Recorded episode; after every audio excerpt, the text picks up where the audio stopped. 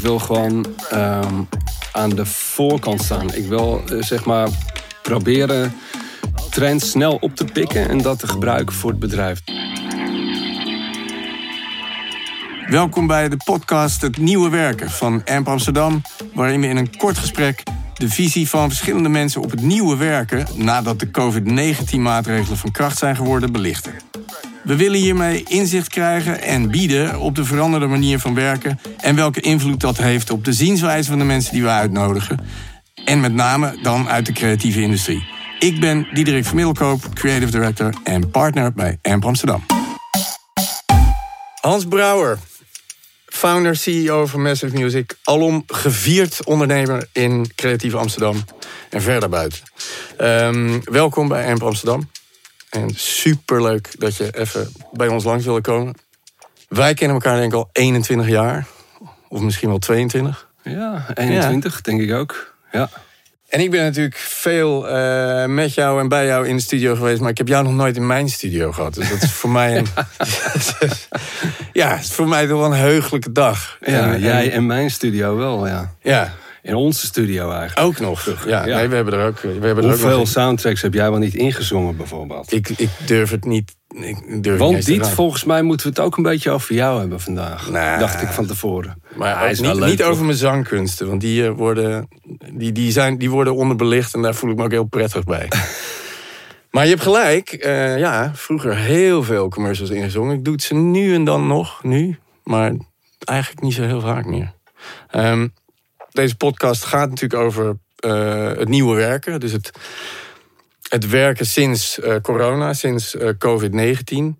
Nou, heb jij een, eigenlijk een uniek contrast als ondernemer, denk ik, om, om wat jij meemaakt in de, in de Ademtoren. Ehm, Massive Music, jouw bedrijf van, van de leer, wat intussen ook al 20 jaar bestaat. Eh, gaat supergoed en het groeit. Eh, jullie zijn mensen aan het aannemen. Maar dan heb je natuurlijk ook in de toren eh, de horeca-ondernemingen. We hadden het er laatst samen al eventjes over.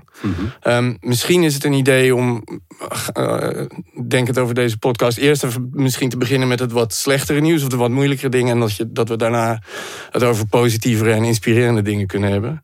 Ja. Ehm, de situatie in de toren nu sinds het coronatijdperk, hoe, hoe zou je die willen beschrijven? Ja, de toren is de Adam-toren, voor de duidelijkheid. Ja. Voor de mensen die dat niet weten. Het voormalig eh, Shell-gebouw eh, noordelijk van het IJ. Tegenover het Centraal Station. En dat gaat heel slecht. Dat wil zeggen, dat is gewoon eh, ja, behoorlijk eh, triest op dit moment. Omdat we gewoon dicht zijn met alle horeca. Ja. Omdat er eh, in het hotel nauwelijks iemand boekt. Ehm, omdat de lookout, het uitzichtpunt met de schommel, het dak en de bovenste verdieping, zeg maar het hoofd van de toren, eh, dicht is. Ehm, ja, dan blijft er niet zoveel over. Eventruimtes. Die natuurlijk, eh, er gebeurt geen event. De club, eh, de technoclub, shelter in de basement is dicht. Ja. Ehm, ja, dan blijven de kantoorruimtes en de flexwerkplekken over. En kantoorruimtes is aan een ieder zelf of ze daar werken of niet. Als het aan Rutte ligt, eh, weten we hoe het zit.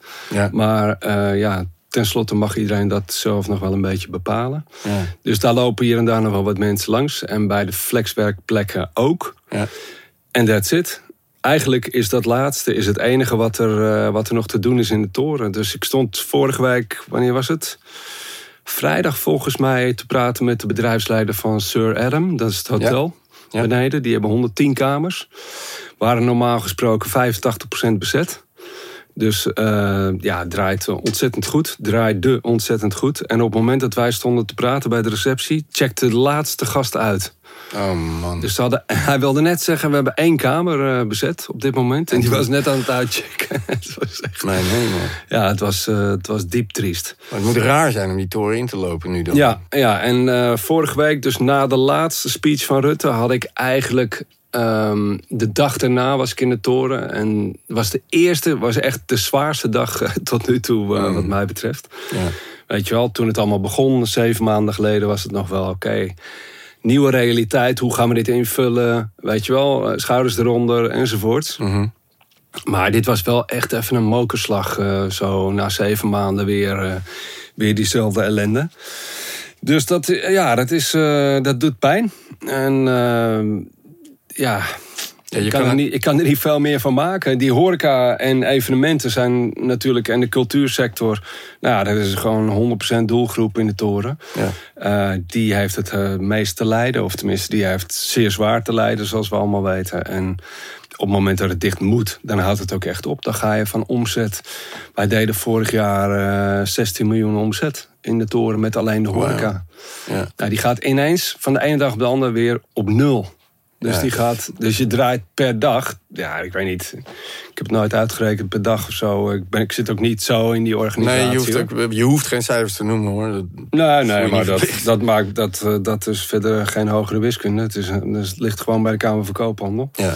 Maar ja, het, weet je wel, als, als het slecht gaat... of er, zit wat, eh, er is wat wind tegen of het weer is slecht... weet je wel, en er komt niemand Ja. naar de lookout... ja, prima. Of er eh, zijn andere redenen omdat jij eh, beleid niet goed voert... of Mhm. eh, slecht personeel hebt of andere redenen. Maar dit gaat gewoon van de ene dag op de andere op nul. Hoe heb je het zelf ervaren dan? Hoe zijn die, hoe, wat, wat heb jij moeten doen en wat heb jij met je partners allemaal moeten doen? Hoe, Nou, we dat er een beetje uit? Ja, we hebben, even voor de duidelijkheid, mijn, zeg, zeg eh, 80, eh 85 procent van mijn tijd ben ik aan het werk bij Massive Music. Ja. En eh, dus ik doe eigenlijk alleen management meetings en zo Oké. voor de toren en voor het horecabedrijf in de toren. En ja, we draaien al 4,5 jaar, dus dat, dat, dat liep allemaal. Dat Ja. loopt, eh, ja, liep allemaal. ik moet echt in de verleden tijd spreken. Mm. Maar ehm, eh, ja, dus op zich heb ik, eh, ja, ja, hebben wij met het management gewoon ja, drastische stappen moeten nemen. Dus Ja. eerst nul uren contracten, tijdelijke contracten. Eh, maar de laatste ontsla eh, ontslagronde hebben we zelfs gewoon mensen die vanaf het eerste uur op vast contract werkten moeten ontslaan. Shit. Of tenminste vaststellingsovereenkomsten met hun moeten afsluiten. Omdat, ja, weet je, eh, ja, het is, eh, het, het is niet best op het moment. En dat is gewoon zo. En dan krijg je, hebben we gelukkig die nauwregeling, Ja. die NOW-regeling.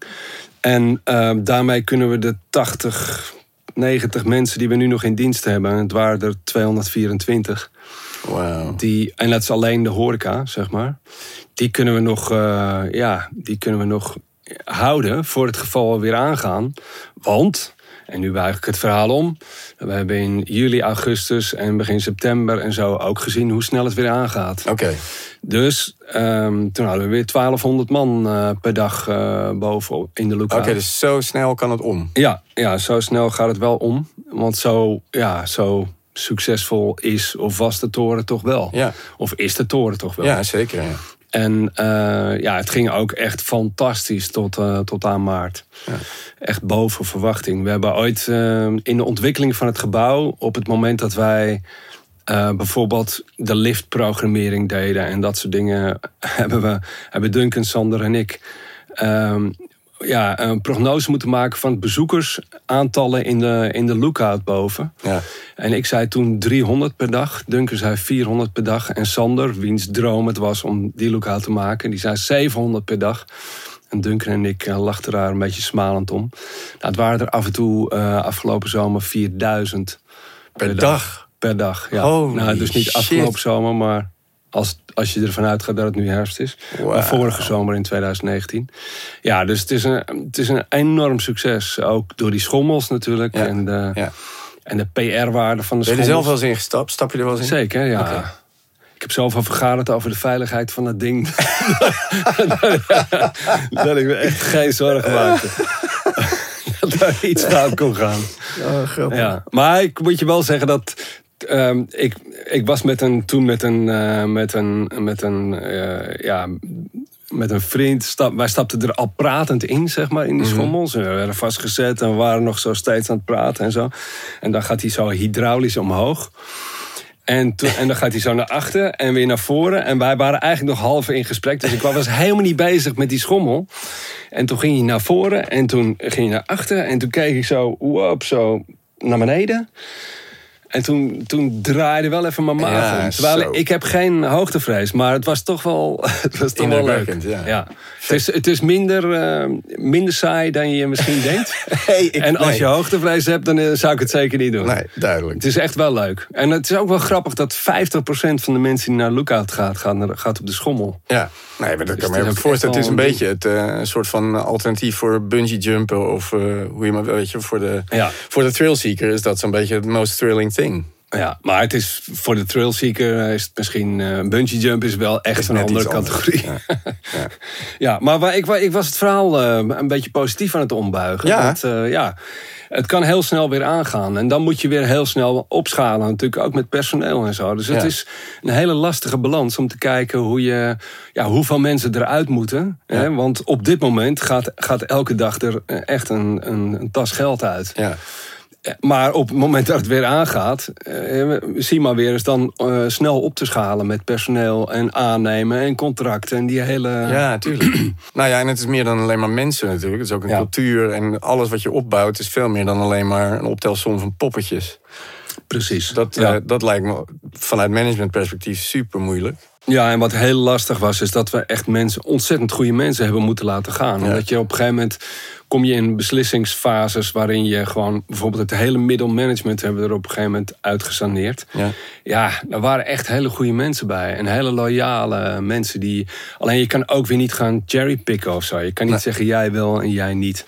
Dus dat wilden we ook niet. Dus ja, dat eh, is wel echt. eh, heeft wel pijn gedaan. Laten we dan het over iets positiefs hebben. Ja. Massive, tijdens corona vooral gegroeid. eh, en nog steeds. Volgens mij zijn er nog steeds mensen aan het aannemen. Terwijl er eh, bij een aantal bureaus in de creatieve industrie in Amsterdam natuurlijk hele harde klappen zijn gevallen. Dat zijn er eh, een aantal. Hoe, hoe verklaar jij het succes van, en, van Massive door corona heen? Ehm, ja, wij waren eigenlijk vorig jaar al in een enorme uplift gegaan. Hoe zeg je dat? Eh, vorig jaar zag je. Dus we hebben eigenlijk. eh, ehm, ja, we hebben ons wel geherpositioneerd. Mhm. Wij doen gewoon alles wat een merk nodig heeft op muziekgebied. Mhm. Punt. Ik bedoel, zo simpel kan je het eigenlijk samenvatten. Ja. En, ehm, en dat is, ja, die propositie hebben we gewoon heel stevig neergezet. En ook heel uitgebalanceerd in teams en in personeel en in eh, waar richten we ons op, op wie richten we ons. Eh, ja, eigenlijk de hele organisatie ongelooflijk geprofessionaliseerd. Ja. Wij En- begonnen ooit eh, met eh 2,5, zeg maar, aan de Oosterburgervoorstraat. Nu zijn het er in de toren, nou ja, of voorheen Ja. in de toren 40, zeg ik het al We goed? kwamen, we kwamen 4,5 jaar geleden in de toren, in mei 16, met 21 mensen. Mhm. Toen dacht ik, laat ik 30 werkplekken maken. Ja, precies. Dan, eh, dan kunnen we nog een beetje doorgroeien. En En, dat te inmiddels zitten we in de, zitten we in de, de raamkozijnen, zeg maar. Ook. nou, niet dat het een klein kantoor is hoor, want het is eh, meer Nee. dan groot genoeg. Ik weet het, ja. Maar ehm, ja, we, zijn, we zitten nu met, eh, ja, met de laatste mensen. We hebben nu weer een, een stuk of drie vacatures uitstaan. En als die worden ingevuld, dan zijn we met iets van 45, denk ik. Wauw. En wereldwijd is al het dan 70 of daarboven misschien Ja, al? 80, denk Ja. ik. Ja. Ja. En dat is de ex-componisten. Dus we hebben eigenlijk in de zes vestigingen, in elke vestiging één in-house componist. En de rest is natuurlijk het, het bekende, inmiddels eh, bekende Het freelance model. Van, ja, van het freelance Ja, model. ik ken, ja. het, eh, ik ken het goed natuurlijk. Ja. Ehm, wat wij wel hebben gemerkt, eh, gelukkig gaat het met Amp Amsterdam ook hartstikke goed. Maar wat hebben- wel hebben gemerkt in die coronacrisis, is dat bij veel van onze klanten er een beetje een attitude change was. Zowel in budgettering, maar ook in eh, soms wat wijfelen over eh, moeten we dit nu wel doen, misschien moeten we dit straks doen. Hebben jullie daar iets van gemerkt? Dat je klanten er toch een beetje anders in zijn gaan staan door de crisis? Ehm, bijna niet, als ik heel eerlijk ben. Nou ja, prachtig nieuws. Dat is ook Ja. goed. Ja, en, en het rare is ook, want ik, ik zou bijna denken, wie weet komt dat omdat wij veel, eh, eh, zeg maar, global clients hebben. Ja. En, maar ja, goed, die pandemic is natuurlijk gewoon global. Dus eh, Ja. wat dat betreft eh, heeft ieder land er last van. Ja. Ik zie wel dat wij, zeg maar, de vestigingen van Massive... dat, eh, dat Amerika het het moeilijkste heeft op het moment. Ja, dat verbaast me niet. En eh, ja, bijvoorbeeld New York wordt ook nog steeds thuisgewerkt en zo. Die cijfers in New York zijn best wel een tijdje goed, maar Ja. het is echt, eh, het is echt, ja, maar ja, met zo iemand aan de macht is het ook lastig. Ja, en Amerikaanse steden hebben die moeilijk. Ik sprak gisteren iemand in San Francisco die zegt: het loopt hier leeg. Iedereen gaat weg. ja, En Nou, in New je- York heb ik dat ook heel erg gehoord. dat zie je in Amsterdam ook. Ja, ja. Geldt ook voor Amsterdam. Ja. Oh, dat heb ik nog. Ik heb het nog niet gemerkt, maar Ja. als jij dat zegt, geloof ik het meteen. Nou, dat is vorige week eh voorpagina Parool. Oh ja. Wat was het? Eh, sinds er waren 3.500 mensen vertrokken. Nou ja, alleen al, al die expats die uit Amsterdam nee, vertrekken tuurlijk. natuurlijk. Ja. Ik bedoel, je ziet voor het eerst ineens weer eh, een heleboel huizen te huur. Ja. ja, en de huur gaat heel langzaam omlaag. Wat Ja, verwacht je, hoe, wat, hoe verwacht jij dat? Want jij bent intussen natuurlijk ook eigenlijk gewoon een, een real estate kenner zo'n beetje aan het worden in Amsterdam. Hoe, hoe zie jij dat? Denk je dat er heel veel bedrijfsruimte zo Ja, dat meteen zou- ineens... Dat zou ik, eh, ik ben nog steeds een muziekman. eh, Ja, dat weet ik, dat weet ik, dat weet ik. ja, ik heb één eh, project gedaan, dat is die toren. Nee, maar het is dan meteen een fixen. Ja, nee, maar daarmee, dat maakt mij geen real estate kenner. Maar wat wilde je zeggen? Nou, jij spreekt, jij spreekt wel eens mensen. Ja. Ehm, maar denk je dat dat een... eh, zie je dat als een trend die, die door gaat zetten? Komt er straks ineens heel veel vierkante meters bedrijfsruimte vrij? Zeker, Ja? ja. Nee, maar het is, het is duidelijk dat eh, die hele thuiswerk... Ja, er zijn twee... eh dat is een beetje een dooddoener, want dat, dat weten we inmiddels allemaal wel een beetje. Maar Mm. het, het reisgedrag, hè, de meetings... één presentatie in, in New York en ik vlieg even heen en weer. Ja. Dat gaat veranderen. Dat is gewoon veranderd bij deze. Dat doen we gewoon allemaal lekker online eh, vanaf nu. Nou, daar had ik meteen een vraag ook over. Want het is goed dat je dat zegt. Ehm, eh, Victor Knaap, eh, een van je beste vriendjes van Media Monks. Ja. ehm, die zei laatst in een interview, volgens mij in Sprout... dat, dat hij wel kritischer ook naar zijn eigen gedrag is gaan kijken... door die crisis. En bijvoorbeeld dat zakelijke vliegen. Dat Ja. die, ja. hoe zinvol is het helemaal? Jij hebt natuurlijk ook bedrijven over de hele wereld. Vestigingen over de hele wereld. Kijk jij daar ook anders naar nu? Ja, ja. ja als het niet hoeft, eh, liever niet. En niet alleen vanwege de carbon footprint, maar ook vanwege ehm, gewoon de tijdsinvestering. Het is eigenlijk onzinnig om zoveel tijd aan reizen kwijt te zijn. En ehm, ja, die, die, die hobbel die het had om online te vergaderen en te presenteren en even in te checken enzovoort. Ja, die is gewoon weggenomen nu. Ja. En dat maakt gewoon een enorm deel van dat reizen overbodig. Ja. En niet alles, hè, want eh, nou ja, wij kennen elkaar goed. Ik ben natuurlijk echt een Ja. iemand die het van sociaal contact eh, moet hebben. Ja. Ook in management, zeg maar. Ook in de vestigingen die eh, in het buitenland. Daar moet ik gewoon wel af en toe langs natuurlijk. Ja. Dat doe je gewoon niet allemaal via het scherm. En ik zou meteen daaraan toe willen voegen, ik al helemaal niet. Want Nee, ik, nee. ben niet, ik ben zeker geen, geen held eh, in het leiden van, eh, van grote meetings online. Nee. Ik, ik moet echt wel eh, dat sociale gevoel hebben. Of zo. Ja, Maarten zat daar waar jij nu zit van buurtvrij en die zei ook Diet, ik heb er zo'n hekel aan. Ik Ja. ben het zo zat. Ja. Ik wil het niet. Ik moet met mensen in een ruimte zijn. Ik moet een gevoel met ze hebben. Ik, ik word er gestoord van. Nou ja, hij is ook zo'n sociaal dier. Ja, super. Ja. Nee, dat heb, ik, dat heb ik ook. En ik heb ook echt ongelofelijke blunders gemaakt in meetings en zo. Weet je wel. Ja, dat Mag ik je denk... er, kan je er één noemen? ja, eh, eentje die niet schadelijk is. Nou, liever niet. Want, Oh, eh, oké, nee. want Nee. niemand heeft, ik heb er niemand ooit meer daarna over horen praten. Natuurlijk durven ze, durven ze niet tegen mij te zeggen. maar dat was met het eigen, binnen het eigen team. Want wij beginnen en eindigen de dag met een huddle.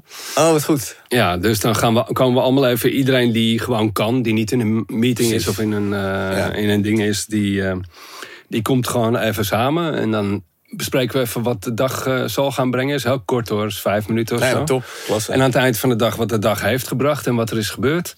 En dat is wel goed, want dan zie je elkaar wel even samen. ja, zeker. En dat is wel echt heel fijn. En binnen de juiste tijdzones eh, checken de buitenlanders ook in. Dat Ja. is op zich heel grappig, want het is altijd een beetje random wie er van de buitenlandse vestigingen incheckt. Ja, de een wordt net wakker en de ander eh, gaat ja, bijna leuk. slapen. Superleuk.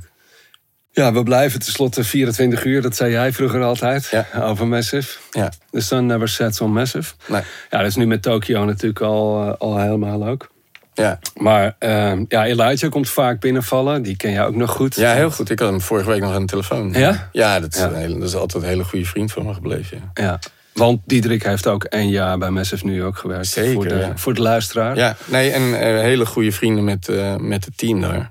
En ja, het gaat me aan het hart heel erg hoe, eh, hoe het in de Verenigde Staten eraan toe gaat. Natuurlijk is het voor de hele wereld een grote, een, beetje een burning house nu. Maar ja, in Ja. Amerika, daar kijken we wel met, allemaal met hele leden over naar. En ik kan me voorstellen dat Amerikanen nu. Het is een soort identiteitscrisis waar je in zit, weet je. Want je bent Amerikaan, je houdt zeg maar van je land. En dan Ja. heb je dat leiderschap. Dat lijkt me zo'n spagaat. Nou, helemaal in het begin van de pandemic, toen oh, bij een van de eerste absurde tweets van, eh, van Trump, Mm. toen werd daar een filmpje over gemaakt of zo, dat circuleerde over het internet. En dat gooide ik in de, in de Massive Music Worldwide eh, appgroep, Ja. die we toen nog hadden, inmiddels niet meer. Ehm, en daar werd eigenlijk helemaal niet op gereageerd. Viel mij op, terwijl het best wel grappig was. Ja. Tenminste, als je er vanuit een, met een Nederlandse bril ja, naar keek. Ja, En toen dacht ik, oh ja, wacht even. Dit eh, het is voor hen helemaal niet zo leuk. is echt helemaal niet leuk. Nee. En, en ja, je kent alle mensen bij Massive in LA en New York. Ja, Dat zijn gewoon natuurlijk hele slimme, goede gasten. ja, het is- En, en, en, eh, en vrouwen. En ja, die, die vinden... Dat is verschrikkelijk. Ja. Hoe, hoe verschrikkelijk kan het zijn? Stel je voor dat, dat wij in zo'n situatie zouden zitten hier. nee, nou ja, je kan eh, met alles wat je misschien aan commentaar Rutte hebt... eh, zit, Ja. zit, zit er wel wel goed, toch? Vergeleken Absoluut. bij zo'n eh, zo'n ongelofelijke duivel. Ja, misschien ook even werk, want ik, ik, eh, ik, ik had het net heel even over die WhatsApp-groep die eruit Ja. gegooid is. Want eh, dit gaat ook een beetje over werken in eh, COVID-tijd. Ja, Toch? zeker. Daar gaan Want wij zijn een week voor, eh, wij zijn echt de eerste week van maart overgegaan naar Slack. En ik weet niet wie daar nog niet mee werkt, maar dat is toch Ja. wel echt best wel een beetje onze redding geweest, ook in het begin van COVID. Toen het ineens allemaal op slot ging en iedereen thuis moest precies. werken. Ja. En ja, voor de bedrijven die dat nog niet deden, zoals wij, ehm, ja, is dat wel, eh, was die timing voor ons wel eh, heel fijn. ja, wij zijn er ook... Volgens mij waren we net voor COVID er al mee begonnen. Eh, dus we waren er al wel aan gewend. Maar het is een fantastisch platform en het werkt, Ja. als, werkt als een speer. Voor degenen die eh, het helemaal niet kennen, zoals ik eh, zeven maanden geleden. Eh, dat is dus zeg maar een soort intranet, hè? Ja, dat is eigenlijk, ja, dat is dus precies eigenlijk is. de, de, de communicatie intern bij, bij een bedrijf. Ja, en, die, en heel intuïtief, heel gemakkelijk, heel simpel. Ja. En ja, nee, wij werken er met, met heel veel liefde mee. Ehm, dus die, die, die plug, die is het waard. Ehm, eh, met eh Amp Amsterdam, de Sonic Branding Company, onze naam zegt het al, doen we, eh, zitten we in dezelfde markt waar jij ook in zit. Deze week nog zilveren kruis mogen opleveren. Vanochtend hoorde ik dat we Purina Pro Plan in de US hebben afgerond, dus dat was ook heel fijn. Um, Messers doet uiteraard al veel langer Sonic Branding projecten en heel succesvol. Ehm, nou heb je mij wel eens gevraagd, van, en dat is al een paar jaar terug denk ik zelfs, dat je zei van Diet, hoe lang denk je dat die trend nog gaat duren? Ehm, en onlangs werd bijvoorbeeld bekend dat het Netflix soundlogo, de babam, die Ja. we natuurlijk allemaal heel goed kennen, intussen de populariteit van Netflix omlaag aan het brengen is. Omdat door COVID-19 er gewoon een ex- overexposure is geweest van dat soundlogo. Dus mensen beginnen die dadam nu gewoon zat te worden. Ja, Ehm, of is het omdat het logo gewoon niet zo goed is? nou, dat, dat zou natuurlijk ook kunnen. Dat vind ik namelijk. Oké. Oh, grappig. Nou, dit het heeft een, een flinke historie. Hè? Ze hebben er ongeveer een jaar over gedaan om het te maken tot het was. Maar dat, dat maakt het vaak niet een beter logo. Nee, dat kun je stellen. Ehm, de reden dat ze hier even helemaal samengevat, er is een heel artikel over, dat deel ik nog wel met je. Maar ehm, de reden dat het uiteindelijk eh, ge- eh, zo gekozen werd zoals het nu is, was dat toen ze testen onder een hele grote eh, groep, iedereen reageerde met de associatie cinema. Dat is wat iedereen zei. En dat is wat precies waar Netflix op wilde scoren. Dus daarmee was het pleit toen slecht. Want ze waren heel onzeker. Ze hebben er echt een jaar lang hebben ze van alles en alles en alles en alles beluisterd. Want ze wisten eigenlijk niet zo goed hoe ze moesten klinken. Maar toen dus dat hele testpubliek zei cinema. Toen dachten ze, nou, dan moet dit het zijn. Dus het, is een leuk verhaal, maar nu werkt het dus niet meer zo goed voor ze. Eh, Old Spice heeft er ook last van gehad tijdens eh, COVID-19. Onze gezamenlijke concurrent Man-Made Music, die pub- publiceerde er een artikel over. Dat merken in tijden van crisis misschien anders moeten gaan klinken. Wat vind je van dat statement? Interessant. Ehm, Ja, dat overexposure.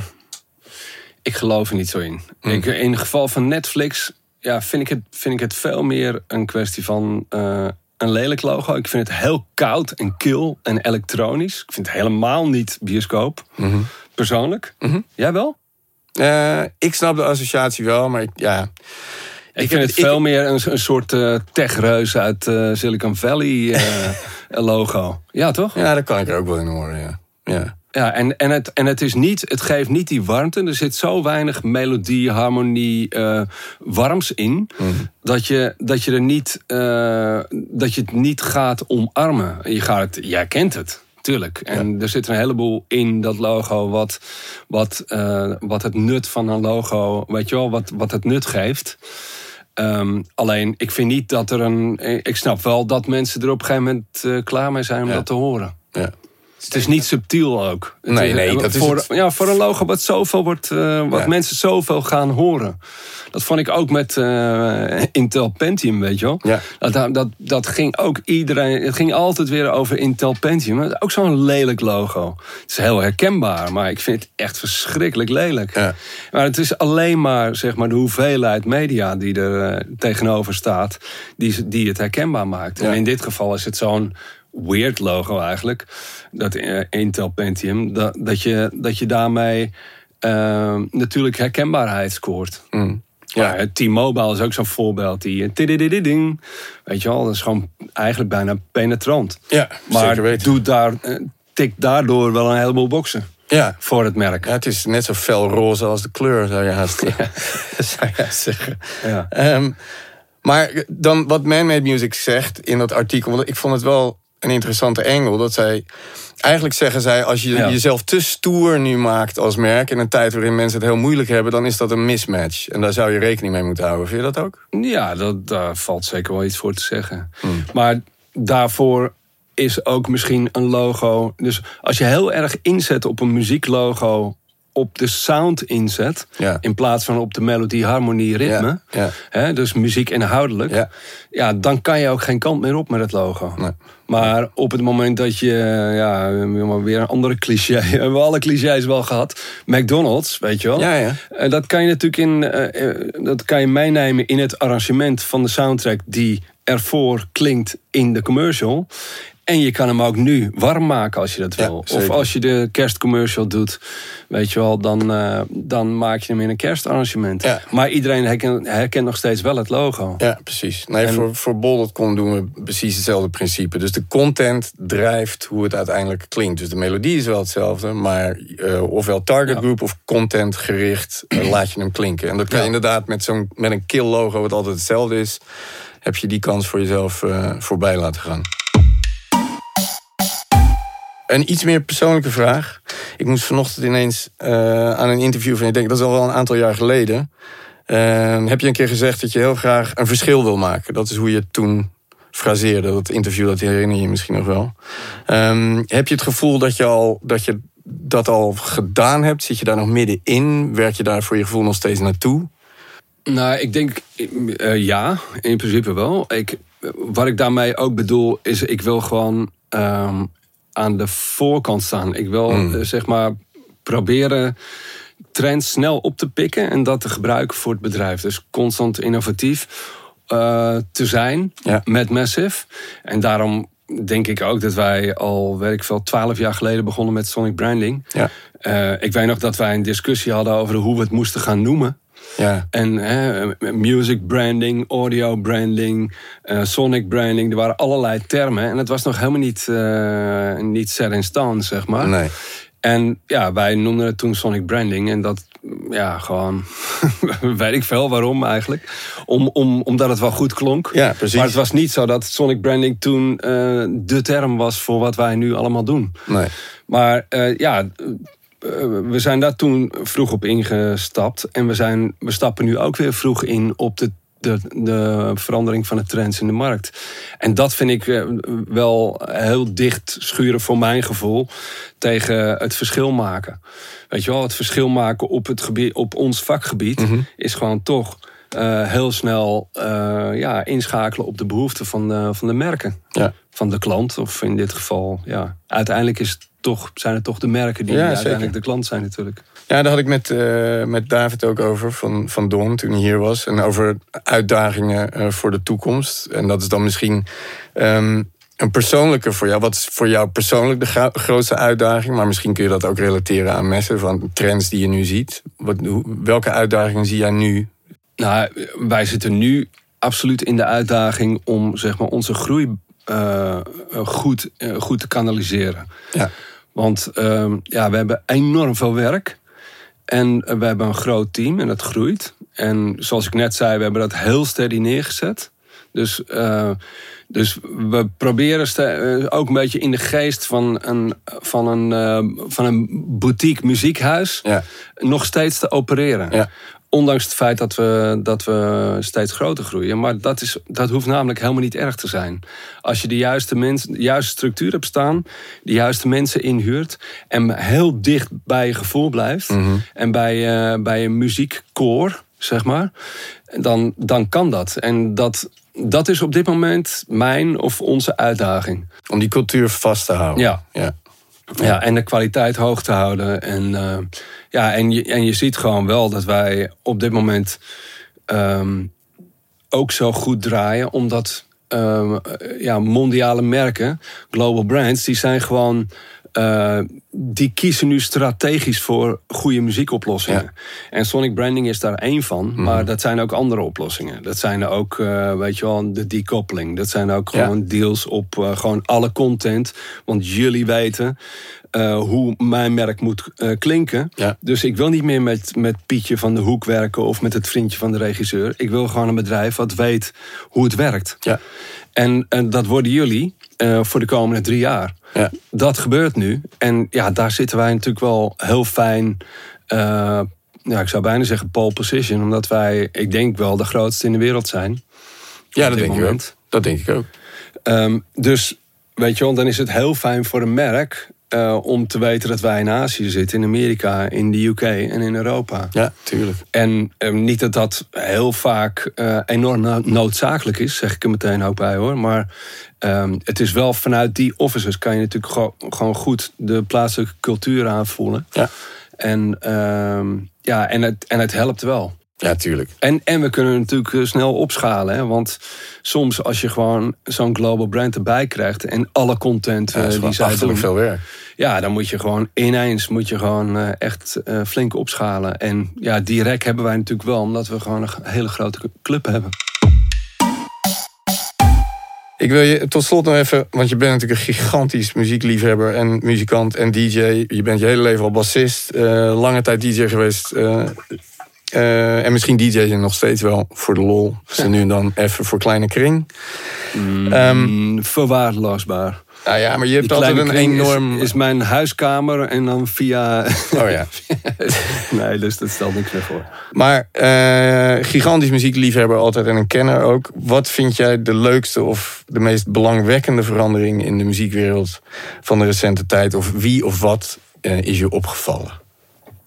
Eh, bedoel je dan eh, technologische ontwikkelingen, artiesten? Jij mag het helemaal zelf invullen. Nou, ik vind Spotify natuurlijk wel helemaal te gek. Omdat het gewoon eh, de hele muziekwereld in jouw broekzak heeft gebracht. Ja.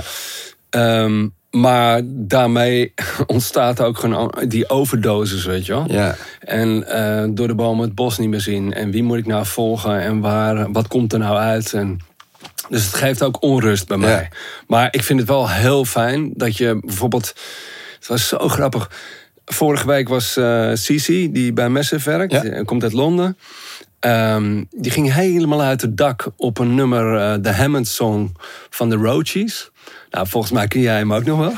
Maar dat, is- hoe lang geleden is dat? Nou, dat is eh, jaren zeventig. Ja. Mijn zus draaide dat, want het was eigenlijk een, een verstokte hippie.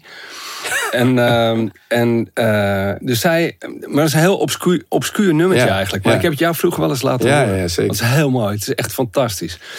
Um, En uh, ja, zij ontdekt dat via haar uh, weekly.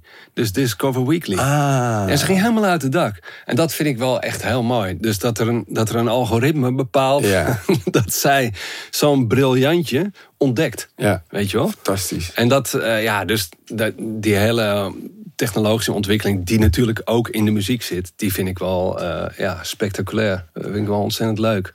Maar goed, het geeft ook weer, uh, weet je wel, hoe, hoe mooi was het om, uh, om, om plaatjes te draaien vroeger. Weet je wel. Het is, het is bizar dat wij in onze generatie gewoon vinyl, muziekcassettes, cd's. Ja. Toen moesten we mp3's kopen. Ja. En, uh, en toen gingen we streamen. Dat zijn vijf verschillende muziekdragers in één leven. Ja. Dat is absurd. Nou ja, en wij kunnen aan onze kinderen niet uitleggen dat er ooit een wereld zonder Spotify was. Dat, nee. dat bestaat gewoon helemaal niet. Nee. Maar die hebben inderdaad wel degelijk. We hebben gewoon die tapejes op tapejes op tapejes lopen overtapen. Dat je vooral ruis hoorde en dan ergens zat er nog muziek achter. Ja. Zo graag wilde je iets horen. Precies.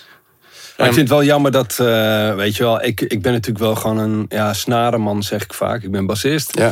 En ik vind het superleuk met een bandje spelen. Ja. En uh, veel mensen bij messen spelen nog steeds gewone instrumenten. Hè? En niet alleen draaitafels of uh, gewoon. Key, weet je wel, de digi Ja. digitale componist zijn. Laat ik het zo maar even noemen. Mhm. Maar het worden er wel steeds minder, merk ik Oh. uh, nu uh, wel vrij rap. Niet zozeer bij messen, hoor, maar in het algemeen, Ja. weet je wel. En dat vind ik, uh, daar, daar kijk ik wel met een beetje nostalgie uh, naar. Nou ja, wie weet komt die trend ook wel weer terug. Hè? Muziek gaat in golven vaak. Dus laten we hopen dat ook. Ja, ik, ik heb het idee dat het soms uh, zo circulair kan zijn. Dat ineens een sound die we een beetje waren vergeten... in één keer weer helemaal omhoog komt. En uh, alsof, als nieuw. Ineens terwijl jij dan denkt... ja, maar jongens, dat, Ja. daar luisteren we in 1971 ook naar. Dat is heel, ook heel leuk als uh, jonge gasten bij Massive plaatjes gaan draaien Ja. die oud zijn. Ja, precies. Het is heel grappig om, dat, om die context dan te kunnen zien. Ja. Ja. Te gek. Uh, ik ben blij dat je even langs wilde komen op deze uitermate regenachtige dag. Ja, En- mogen we eindelijk binnenwerken, thuiswerken? Stuur jij me door een, de grootste wolkbreuk sinds 1984 volgens Ik mij. heb, uh, ik heb een hoop in de hand, maar het weer, nou net even niet. Ik vond het heel erg leuk dat je hier was. Ja, ik ook, uh, gezellig. en blij dat ik je eindelijk in mijn studio kon Ja. verwelkomen. Ja, prachtige studio. Goed gedaan, Dietje. Thanks Hans. Dankjewel voor het luisteren naar de podcast Het Nieuwe Werken van AMP Amsterdam. Graag tot de volgende.